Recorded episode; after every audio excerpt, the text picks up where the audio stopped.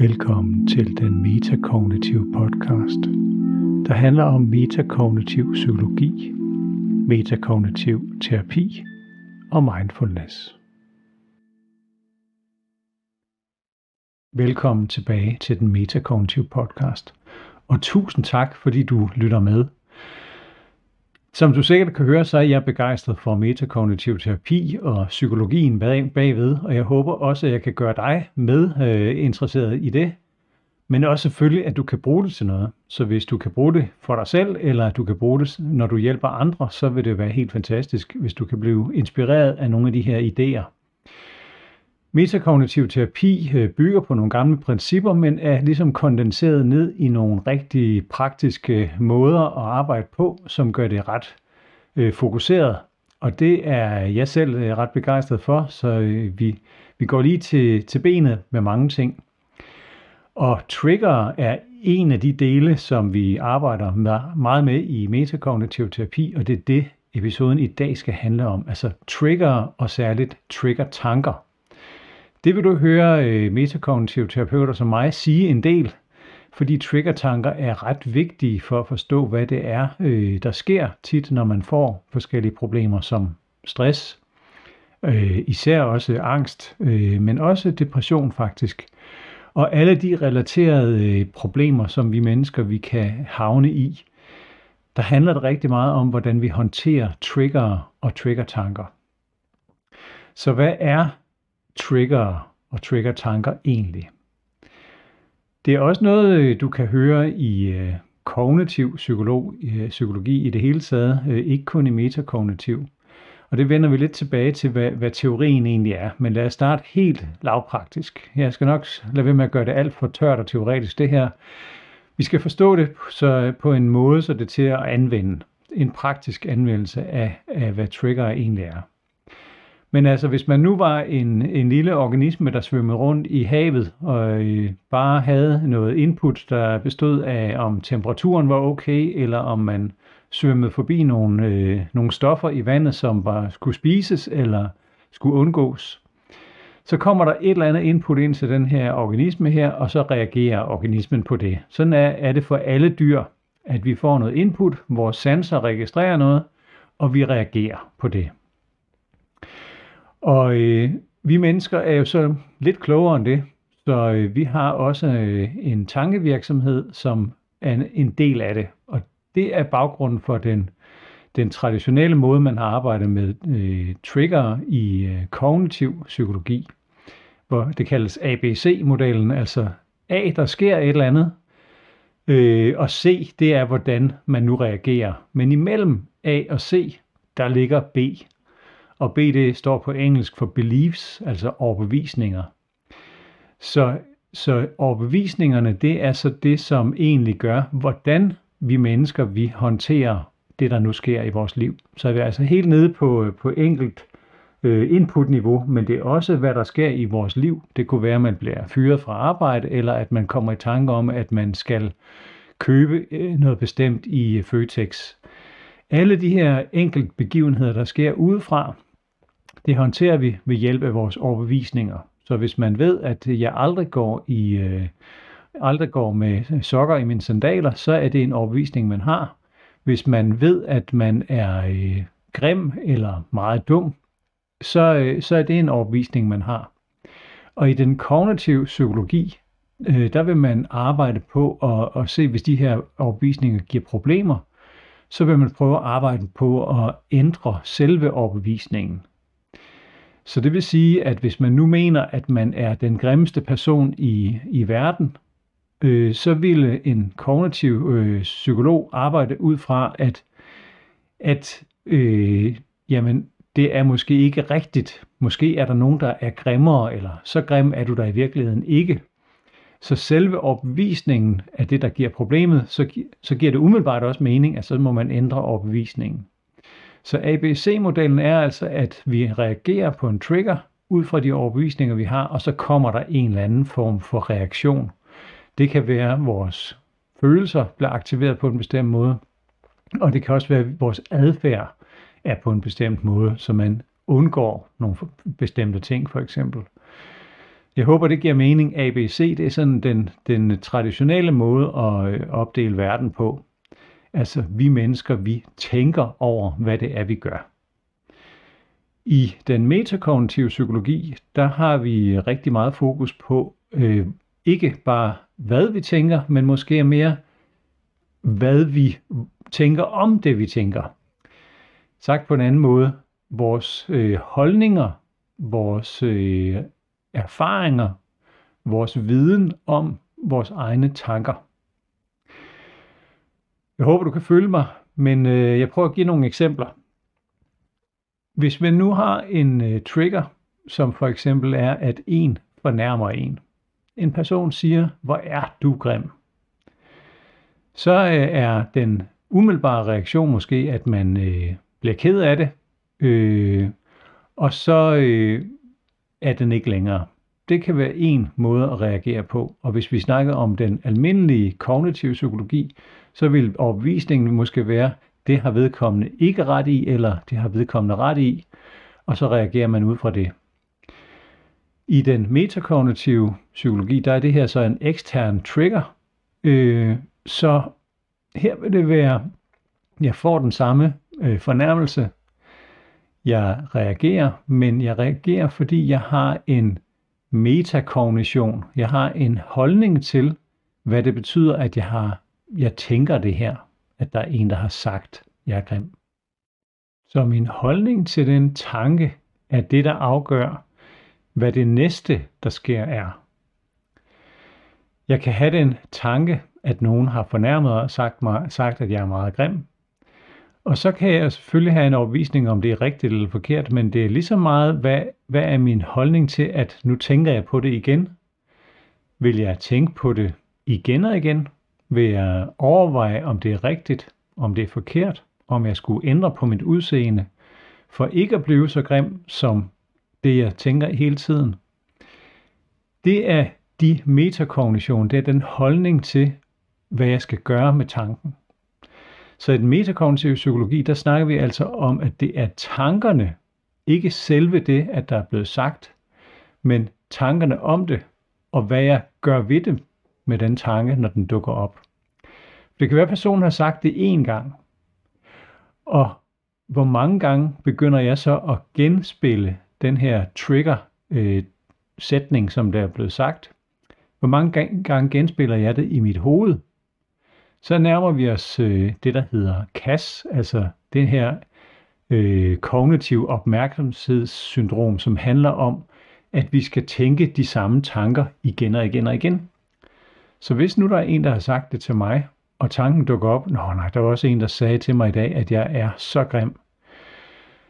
Hvis tanken dukker op, så kan det være, at jeg har den holdning, jamen så må jeg jo hellere tænke mere over, om det er rigtigt. Jeg må hellere tænke mere over, hvorfor personen sagde det. Jeg må hellere tænke mere over, om jeg skal gøre noget ved mit udseende. Og på den måde, der går det fra, at det er en trigger-tanke, til at jeg begynder at behandle den trigger-tanke med flere tanker. Så min overvisning om, at jeg skal reagere på en bestemt måde på den her tanke, der dukker op, det er metakognitionerne. Og det er det, som er vigtigt at arbejde med, fordi det kunne også være, at jeg havde, der var en, der havde sagt, at jeg var grim, så senere, øh, og så blev jeg fornærmet eller ked af det over det. Det er en trigger, og en trigger-tanke. Det er okay. Så om aftenen, så kommer jeg til at tænke på det igen. Så kommer der lige en tanke, og oh, der var også en, der sagde, at jeg var meget grim. Men jeg kunne også reagere på en anden måde. Ikke ved at gøre noget. Det er simpelthen, når der var en, der sagde det her, og så ikke gøre mere. Det kan godt være, at jeg lige kortvarigt bliver ked af det over en, der sagde det, men jeg gør ikke mere efter det. Så jeg ender ikke i den her kast, den her gentagende måde at tænke på det igen og igen og igen og igen. Så det er to forskellige måder at reagere på den samme tanke, der dukker op. Så husk, i den kognitive psykologi, der, der vil vi altid tænke på tanker. Både i metakognitiv og kognitiv, det er altid tankerne om det, vi arbejder med. Men i metakognitiv, der er det især, hvordan vi håndterer de tanker, der nu dukker op, vi arbejder med. Og selve tanken, er jeg tyk? Er jeg grim? Er jeg klog? Er jeg øh, smuk? Er jeg, øh, er jeg rig? Skal jeg øh, flytte fra mit hus? Skal jeg øh, skifte job? Skal jeg ændre mit liv på andre måder? Alle de her øh, tanker, der dukker op, er tanker, som jeg forholder mig til på et metakognitivt plan. Og nogle af de tanker, der dukker op, de vil være trigger for mig. De fleste tanker, de er gudskelov helt, helt øh, neutrale og, og øh, får ikke min, øh, mine følelser til at reagere. Men nogle af de øh, tanker, der dukker op, kan godt være trigger-tanker. Det vil sige, at de giver måske en eller anden øh, instinktiv øh, følelse. Det kan være, at jeg bliver vred, ked af det eller andet. Og, øh, men det kan også være, at, øh, at jeg reagerer på en anden måde. Øh, det er en trigger, som, som jeg så gør et eller andet ved. Og triggeren er så lige præcis øh, det, som man normalt oplever som noget, der kommer udefra. Så det kunne være personen, der siger det. Der er en person, der på et tidspunkt har sagt det, og det er trigger-situationen. Men trigger-tanken, det er så hver gang jeg tænker på det. Jeg tænker selvfølgelig i det øjeblik, jeg hører det, men jeg tænker også over det måske om aftenen, eller næste dag, eller året efter. Og det er alt sammen kun trigger-tanker. Så det er altså ikke selve triggeren, men det er de tanker, der dukker op i mit eget hoved. Og nu begynder det at blive interessant, fordi det behøver ikke være en rigtig situation. Det behøver ikke at være, at der er nogen, der har sagt det. Det kan bare være en tanke, jeg selv får. Så en eller anden dag, så får jeg en trigger-tanke. Den kommer bare ud af det blå. Det er bare noget, der dukker op, op som en tanke hos mig. Og den trigger-tanke kan jeg jo også forholde mig til, også selvom det kun er mig selv, der har skabt den. Så sådan en triggertank er jo igen afhængig af, hvordan er mine metakognitioner på sådan en trigger-tanke. Skal jeg tænke videre over det? Er det vigtigt, at når tanken dukker op, så skal jeg tænke over det problem, som, som tanken er, den trigger, øh, som blev udløst. Er min holdning, at øh, jeg skal forstå, hvorfor jeg har fået den tanke? Er min holdning, at jeg må hellere sørge for, at den tanke ikke kommer igen? er min holdning, at øh, den her tanke, den skal, øh, skal jeg ændre på. Jeg, må, jeg skal ændre på tanken for at overbevise mig selv om, at det ikke er rigtigt. For eksempel så kunne jeg begynde at diskutere med mig selv, om, om øh, jeg er grim, eller, eller smuk, eller midt imellem. Og sige, at der er jo beviser for det ene og det andet. Og jeg kunne have en lang snak med mig selv, udelukkende fordi jeg havde fået den ene trigger-tanke. Og du kan sikkert høre det igen. Det er det mønster, vi kigger efter i metakognitiv terapi. Det er CAS, det vil sige opmærksomhedssyndromet. Jeg kalder det hver gang for hamsterhjulet, fordi det er sådan et, et godt ord for, at ens tanker, de går i ring.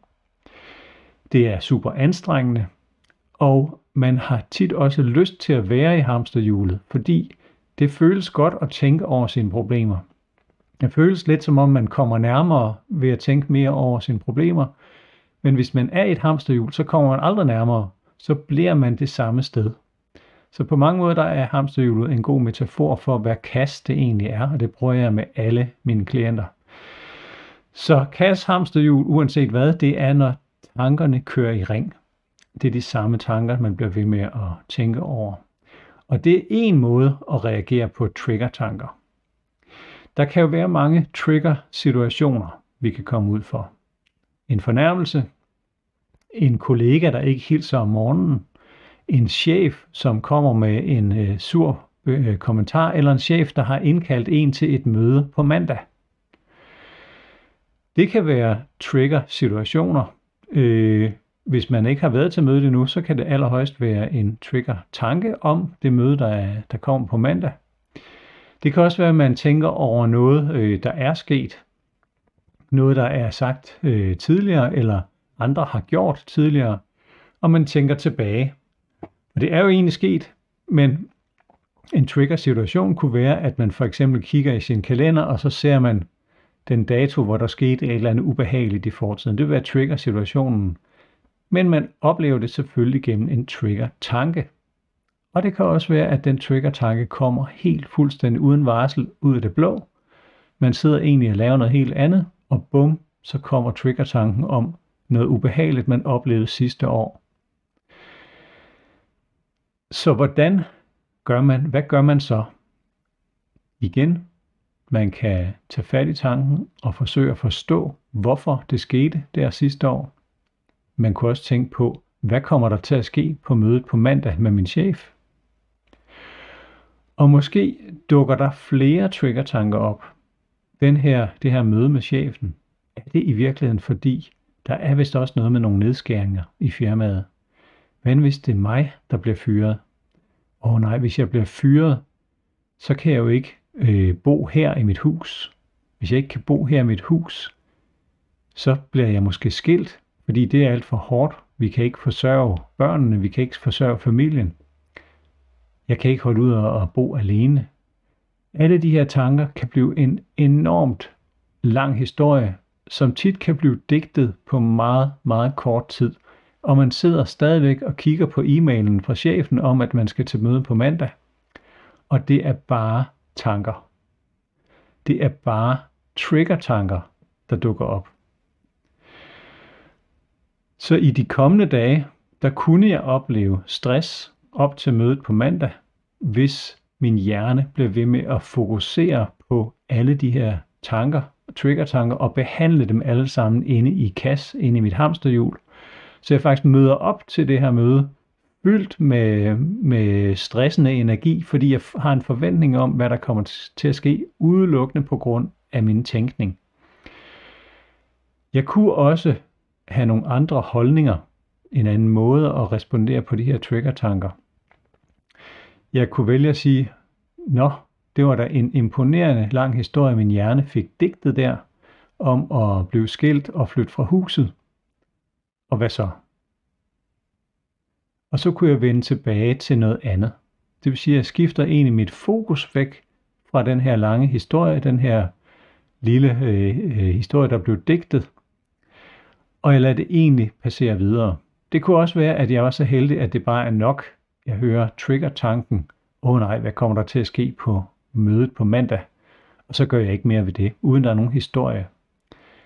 Men uanset hvad, så vil det være det, jeg gør efter trigger-tankerne, og efter at jeg opdager, at min hjerne kører lidt i trigger mode, det vil være det, der sker efter, når jeg bliver bevidst om det. Det er det, vi arbejder med i det metakognitive. Så metaniveauet er lige præcis den bevidsthed, vi mennesker gudskelov også er blevet udstyret med. Vi har også evnen til at lægge mærke til, hvad vi tænker. Så vi er også fokuseret på vores tanker. Og det meste af tiden, der tænker vi. Det meste af tiden reagerer vi, uden at øh, tænke så meget over det. Men indimellem, så er vi også bevidste om, hvad vi tænker, og det er her, vi vælger, hvad vi gør. Det her metaniveau, det styrer, hvad er det næste, jeg skal nu? Og hele den metakognitive øh, proces, den øh, er den, vi prøver at bearbejde, når vi arbejder metakognitivt. At man egentlig bliver lidt mere klar over, når ens hjerne, øh, hvad, hvad ens hjerne gør, men også at man bliver mere øh, klar over, hvilke øh, strategier man egentlig allerede gør med sine tanker. Netop fordi trigger-tanker tit medfører en følelse. Det kan være en følelse af, af frygt, hvis man har frygter det her møde med chefen. Det kan være en følelse af frygt, hvis man for eksempel ved, at man skal øh, i handle ind, og, og faktisk har angst ved at handle ind, så kan den her frygt gøre, åh oh, nej, ja, bare der ikke er mange mennesker nede i supermarkedet. Og så bliver man hjemme indtil man tænker, ej nu er der ikke så mange. Så trigger tanken ved her være, åh oh, nej, der er sikkert masser af mennesker nede i supermarkedet. Så det næste, der, det, det skaber en følelse, og det er følelsen, der gør, at, at trigger tanker tit opleves, som om de er mere vigtige end andre tanker. Man får jo sindssygt mange forskellige tanker ind i hovedet. Jo mere bevidst du bliver, jo mere vil du opdage, at der virkelig er mange tanker, og at de fleste, de får lov til at flyve videre, uden at du gør noget. Men triggertanker har tit den der egenskab med, at de lige giver en lille øh, mavepumper, en lille reaktion, eller en stor reaktion, og det er det, der gør, at man oplever dem som noget, der er vigtigere end andet, og derfor har man en tendens til at, at håndtere de her triggertanker anderledes. Og det er man jo tit ikke øh, selv klar over. Og der findes forskellige strategier. Ikke? Altså den ene har jeg nævnt, det er, at man tænker videre over det i kasse- og hamsterhjul. Den anden er, at man simpelthen prøver at undgå at få tanken. Så man udtænker en strategi. Ej, det, det er simpelthen for ubehageligt at tænke på det her. Så det vil jeg ikke tænke på. Og hvis den tanke kommer igen, så vil jeg gøre alt for ikke at tænke på det. Så øh, det kunne for eksempel være, at man, øh, man lægger mærke til, hvordan ens krop øh, har det. Så hvis man, øh, de fleste af os kender nok det her med, at når man sidder og læser om forskellige symptomer på sygdommen, så synes man nogle gange, man har nogle af de symptomer, og så, øh, så kan der godt køre nogle tanker om, om det kunne være rigtigt. Har jeg virkelig den her sygdom her? Og det er vist et helt almindeligt fænomen blandt øh, medicinstuderende, fordi man selvfølgelig læser om symptomer, og så overvejer nogle gange, om det er rigtigt. Så det er også et godt eksempel på trigger-tanker, der dukker op. Og det er igen øh, afgørende, hvordan man håndterer, når trigger-tanken dukker op. For vi kan alle sammen få dem. Vi får dem alle sammen hele tiden, forskellige trigger-tanker. Men hvis det nu er noget med nogle symptomer i ens krop, det er, man læser om det, og får en trigger-tanke, der siger, hov, det har jeg da faktisk også, det her symptom her så kan man jo måske tænke, ej, det, det er for ubehageligt at tænke, det må jeg ikke tænke på igen. Men hvad sker der så i ens hjerne? Ens hjerne registrerer, at det her må man, må jeg ikke tænke på. Det vil sige, der er nødt til at være nogen, noget i hjernen, der husker, hvad det er, man ikke må tænke på. Det vil sige, at hjernen husker den tanke, man ikke må tænke på, og så er den der jo. Så er den der allerede, øh, og den vil dukke op igen. Måske lidt mere end før faktisk, og så reagerer man måske endnu mere kraftigt, fordi man har besluttet sig for, at man ikke vil tænke på det der. Og så har vi balladen, den kommer endnu tigere, og hver gang man reagerer, så reagerer man måske lidt kraftigere. Og til så har vi tanker, der bliver meget insisterende, og den her, det her forsøg på at undgå dem, bliver tit et problem faktisk i sig selv. Vi snakker rigtig meget om fokus i metakognitiv terapi, så der kommer altså meget fokus på, når triggertanken kommer, og så håndterer vi den på forskellige måder. Og tit så sker der jo netop det, at det her fokus så breder sig til andre ting. Hvorfor øh, har jeg den her tanke her? Er, der, er det rigtigt? Så skal man måske til at afgøre, om det er rigtigt eller forkert. Og så har vi balladen igen med at diskutere med sig selv, om, det kunne, om der kunne være noget om snakken. Det vil vi meget gerne undgå i den metakognitive øh, psykologi, så al den her selvsnak, hvor man diskuterer, det putter vi ind i, øh, i kasse, ind i hamsterhjulet. Og positive tanker, som siger, ah, men det, det skal nok gå, det øh, passer ikke, som jo også er en strategi over for ens triggertanker. Man får triggertanker, så tænker man, nej, nej, nej, det, det, det kommer ikke til at passe, det, det, er nok, det er nok ikke rigtigt. Men det er stadigvæk, at man forsøger at håndtere tanken. Man forsøger at gøre noget, men noget, der bare er en tanke.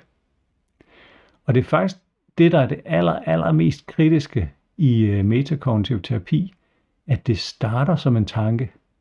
Og i og med, at det er en tanke, så behøver man ikke gøre noget. Alle tanker dukker op af sig selv. Alle tanker forsvinder af sig selv.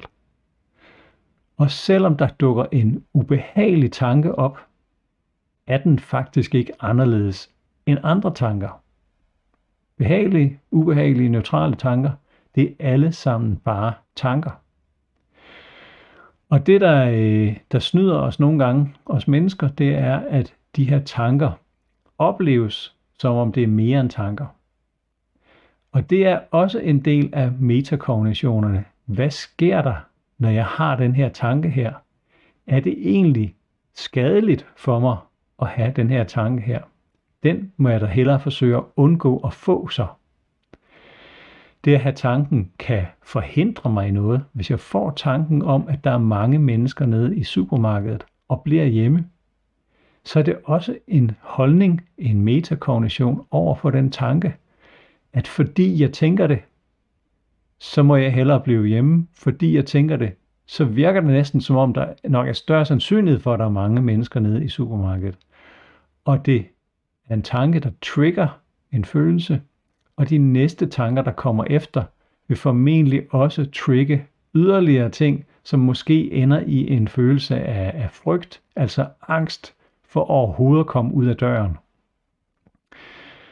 Så trigger tanker på den her måde er tanker med strøm på, tanker som virker som mere end tanker. Så kan der være en trigger-tanke, som jeg meget gerne vil øh, tænke videre over. Den må jo være vigtig, fordi den dukker op. Det kunne for eksempel være mødet med chefen på mandag. Så jeg sidder egentlig og hygger mig fredag aften med, øh, med et øh, glas rødvin foran fjernsynet og bare skal holde weekend. Og så kommer tanken, åh oh, nej, jeg har det møde på mandag. Jeg må hellere, jeg må hellere forberede mig. Jeg må hellere øh, tænke igennem, hvad, hvad han kommer til at snakke om, min chef. Jeg må hellere tænke igennem og huske alt det gode, jeg har lavet sidste år. Hvad, siger, hvad hvis han siger det, så skal jeg sige sådan her. Hvad hvis han nu siger, at jeg skal fyres? Hvad gør jeg så? Og lige pludselig så er fredag aften gået, og det meste af lørdagen går også, fordi jeg fik en trigger-tanke. Og det er et godt eksempel på, at man nogle gange har en, et ønske om at tænke videre over en triggertanke, fordi det føles rigtigt. Tanken må jo være vigtig, når den nu kommer fredag aften. Og det giver mening, at jeg hellere må reagere på tanken ved at tænke videre over den. Så jeg har et ønske om, at jeg må hellere forberede mig på, hvad der kommer til at ske, og det må jeg hellere gøre resten af fredag aften og det meste af lørdagen, for at være ordentligt forberedt. Og her skal vi jo tænke på, at selvfølgelig skal vi også gøre det en gang imellem. Selvfølgelig skal vi også reagere på vores tanker. Vi skal ikke være øh, viljeløse zombier, der bare render rundt og ikke reagere på, på det, der sker i vores omverden, eller det, vi selv kommer i tanke om. I metakognitiv terapi handler det kun om, om det for det første er et problem, og hvor meget det fylder. Så øh, hvis jeg nu øh, havde et møde på mandag med min chef, så kunne det give rigtig god mening, at jeg forberedte mig på det møde og lige tænkte igennem, hvad skal jeg sige? Og det er så det. Og så har jeg brugt en halv time på det, eller to timer. Men hvis jeg har brugt hele weekenden, eller hele ugen, og jeg ikke sover godt om natten, og jeg bliver vred på chefen, jeg bliver ked af det over, at jeg bliver fyret, så har jeg jo skabt et problem ud fra mine tanker. Så kan det være, at jeg møder op til møde på mandag, og så siger chefen, jamen vi vil bare høre, øh, der er jo, der er jo så en trivselsundersøgelse, vi vil bare egentlig høre, hvordan du har det. Og nu skal vi lige have vores, vores snak. Så alle de her spændinger og ting, som jeg havde bygget op måske op til mødet, var ren tankespind. Det var en ren historie, min hjerne fik digtet. Og måske har jeg ladt mig lidt lokke, fordi det føltes rigtigt at forberede mig på de triggertanker, det startede med. Så derfor er triggertanker vigtige i metakognitiv terapi. Trigger-situationer, det har vi meget, masser af ude i verden. Der er trigger-situationer, som, som øh, får os til at reagere. Og vi har også trigger-tanker. Det er helt naturligt, at der dukker også ubehagelige tanker op, som vi reagerer på. Men hvad sker der efter det? Det er altid det valg, vi tager efter triggertankerne, der er det vigtige. Vælger vi at undgå tankerne, vælger vi at prøve at distrahere os selv fra at få tanken igen, det er en form for undertrykkelse og undgåelse, begynder vi at have holdninger til, om de tanker er farlige at have, eller lader vi dem, øh, skal vi tænke videre over triggertanken, fordi den er dukket op. Det er især de ting, man koncentrerer sig om i øh, metakognitiv terapi. Og nogle af de triggertanker kan jo også netop blive værre og værre, fordi man forsøger at undgå dem. Og så kan det gå hen og blive til deciderede tvangstanker, hvor man virkelig forsøger at undgå at have dem. Og det kunne jeg snakke om i en hel episode om øh, tankeundertrykkelse og tankeundgåelse. Bare lige hør nu her, at det er en af de strategier, som vi mennesker vælger en af de strategier, som tit giver bagslag. Øh, og en, der tit er en øjenåbner for rigtig mange, når vi laver metakognitiv terapi, det er, at man reagerer på, på triggertanke med undgåelse. Når vi nu snakker om øh, trigger-tanker, så handler det altså ikke om, at du aldrig skal gøre noget med trigger-tankerne, men det handler især øh, om, hvor meget reagerer du på trigger-tankerne. Det skal være på et niveau, hvor det ikke er et problem. Det er tit den balance, man er tippet ud af, når man møder op til terapi. Og i metakognitiv terapi, der er det den balance, vi forsøger at genskabe. Så sådan som man plejer at gøre, og måske, måske endnu bedre strategier, end man plejer at gøre, hvis man har haft det i mange, mange år. Men den balance, der vender, man vender tilbage til, når man har en, et balanceret forhold til, at der dukker trigger-tanker op, og at man, mens de kommer, godt er klar over, at det er tanker, og derfor reagerer på dem som tanker. Når tanker opleves som tanker, så er det ikke længere trigger, så er det bare tanker uden strøm i. Og når man begynder at få det forhold til trigger-tanker, så reagerer man på en meget mere balanceret måde. Og den indsigt får man tit i snakken, men man får også tit nogle øvelser, både i sessionen og derhjemme, som, øh, som giver nogle oplevelser med det. Så man oplever, hvordan det egentlig føles, øh, når man har et andet forhold til sine tanker. Så i en metakognitiv session, der, der oplever man nogle af de her øvelser, og får ligesom en, en aha-oplevelse med, når det, sådan kan det også være. Og så kan man tage det med hjem, og nogle gange så skal man også træne det, så man bliver bedre til at håndtere de her trigger på en, en mere balanceret måde. Så det er øh, måden, man opfatter trigger-tanker på i metakognitiv terapi, og det er måden, man arbejder med, på, øh, med trigger-tanker. Øh, og især, at man arbejder med, om det nu er nogle strategier, der er hensigtsmæssige, øh, og som, som vender tilbage til en naturlig balance over for de tanker, der dukker op.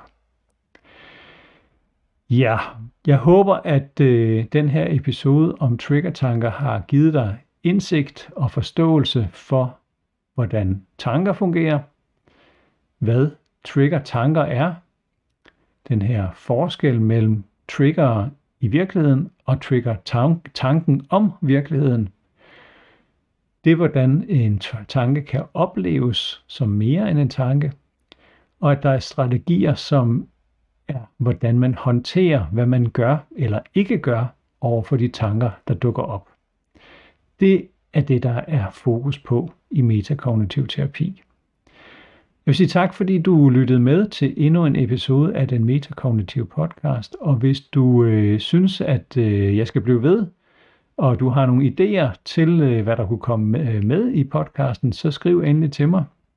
Øh, og selvfølgelig spred ordet til andre, der kunne tænkes at være interesseret i at høre den metakognitive podcast. Du lytter til den metakognitive podcast. Husk at dele med andre, der kunne være interesseret i at høre om metakognitiv psykologi, terapi og mindfulness.